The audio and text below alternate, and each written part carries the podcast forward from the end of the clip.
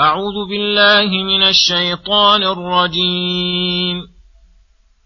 إنا أرسلناك شاهدا ومبشرا ونذيرا لتؤمنوا بالله ورسوله وتعزروه وتوقروه وتسبحوه بكرة وأصيلا.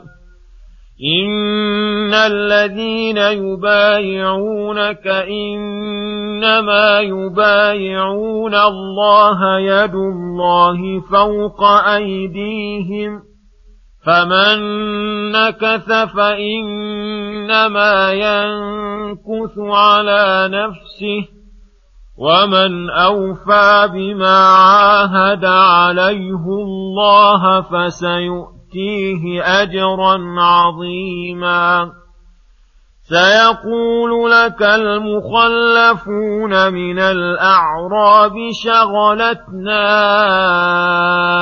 أموالنا وأهلنا فاستغفر لنا يقولون بألسنتهم ما ليس في قلوبهم. قل فمن يملك لكم من الله شيئا إن أراد بكم ضرا أو أراد بكم نفعا بل كان الله بما تعملون خبيرا. بل ظننتم أن لن ينقلب الرسول والمؤمنون إلى أهليهم أبدا وزين ذلك في قلوبكم وظننتم ظن السوء وكنتم قوما بوراً ومن لم يؤمن بالله ورسوله فإنا أعتدنا للكافرين سعيرا ولله ملك السماوات والأرض يغفر لمن يشاء ويعذب يعذب من يشاء وكان الله غفورا رحيما. سيقول المخلفون إذا انطلقتم إلى مغانم لتاخذوها ذرونا نتبعكم. يريدون أن يبدلوا كلام الله قل لن تتبعونا كذلكم قال الله من قبل فسيقولون بل تحسدوننا بل كانوا لا يفقهون الا قليلا بسم الله الرحمن الرحيم. السلام عليكم ورحمة الله وبركاته. يقول الله سبحانه إنا أرسلناك شاهدا ومبشرا ونذيرا. أي إنا أرسلناك أيها الرسول الكريم شاهدا لأمتك بما فعلوه من خير وشر وشاهد على على المقالات ومسائل حقها وباطلها وشاهدا لله تعالى بالوحدانية والانفراد بالكمال من كل وجه مبشرا من أطاعك وأطاع الله بالثواب الدنيوي والديني والأخروي ونذيرا لمن عصى الله بالعقاب العاجل والآجل.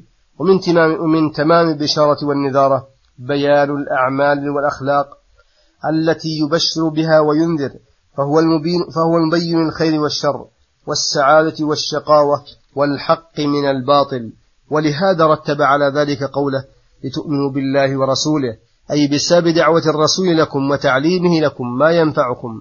أرسلناه لتقوموا بالإيمان بالله ورسوله المستلزم ذلك طاعته ما في جميع الأمور وتعزروه وتوقروه أي تعزروا الرسول صلى الله عليه وسلم وتوقروه أي تعظموه وتجلوه وتقوموا بحقوقه كما كانت له المنة العظيمة في رقابكم. وتسبحوا أي تسبحوا لله بكرة وأصيلا أول النهار وآخرة. فذكر الله في هذه الآية الحق المشترك بين الله وبين رسوله وهو الإيمان بهما والمختص بالرسول وهو التعزير والتوقير والمختص بالله. وهو التسبيح له والتقديس بصلاة أو غيرها. ثم يقول سبحانه إن الذين يبايعونك إنما يبايعون الله. الآية. هذه المبايعة التي أشار الله إليها هي بيعة الرضوان التي بايع الصحابة رضي الله عنهم فيها رسول الله صلى الله عليه وسلم على أن لا يفروا عنه فهي عقد خاص من لوازمه ألا يفروا ولو لم يبق منهم إلا القليل ولو كانوا في حال يجوز الفرار فيها. أخبر تعالى إن الذين يبايعونك حقيقة الأمر أنهم إنما يبايعون الله ويعقدون العقد معه حتى إنه من شدة تأكده أنه قال يد الله فوق أيديهم أي كأنهم بايعوا الله وصافحوا بتلك المبايعة.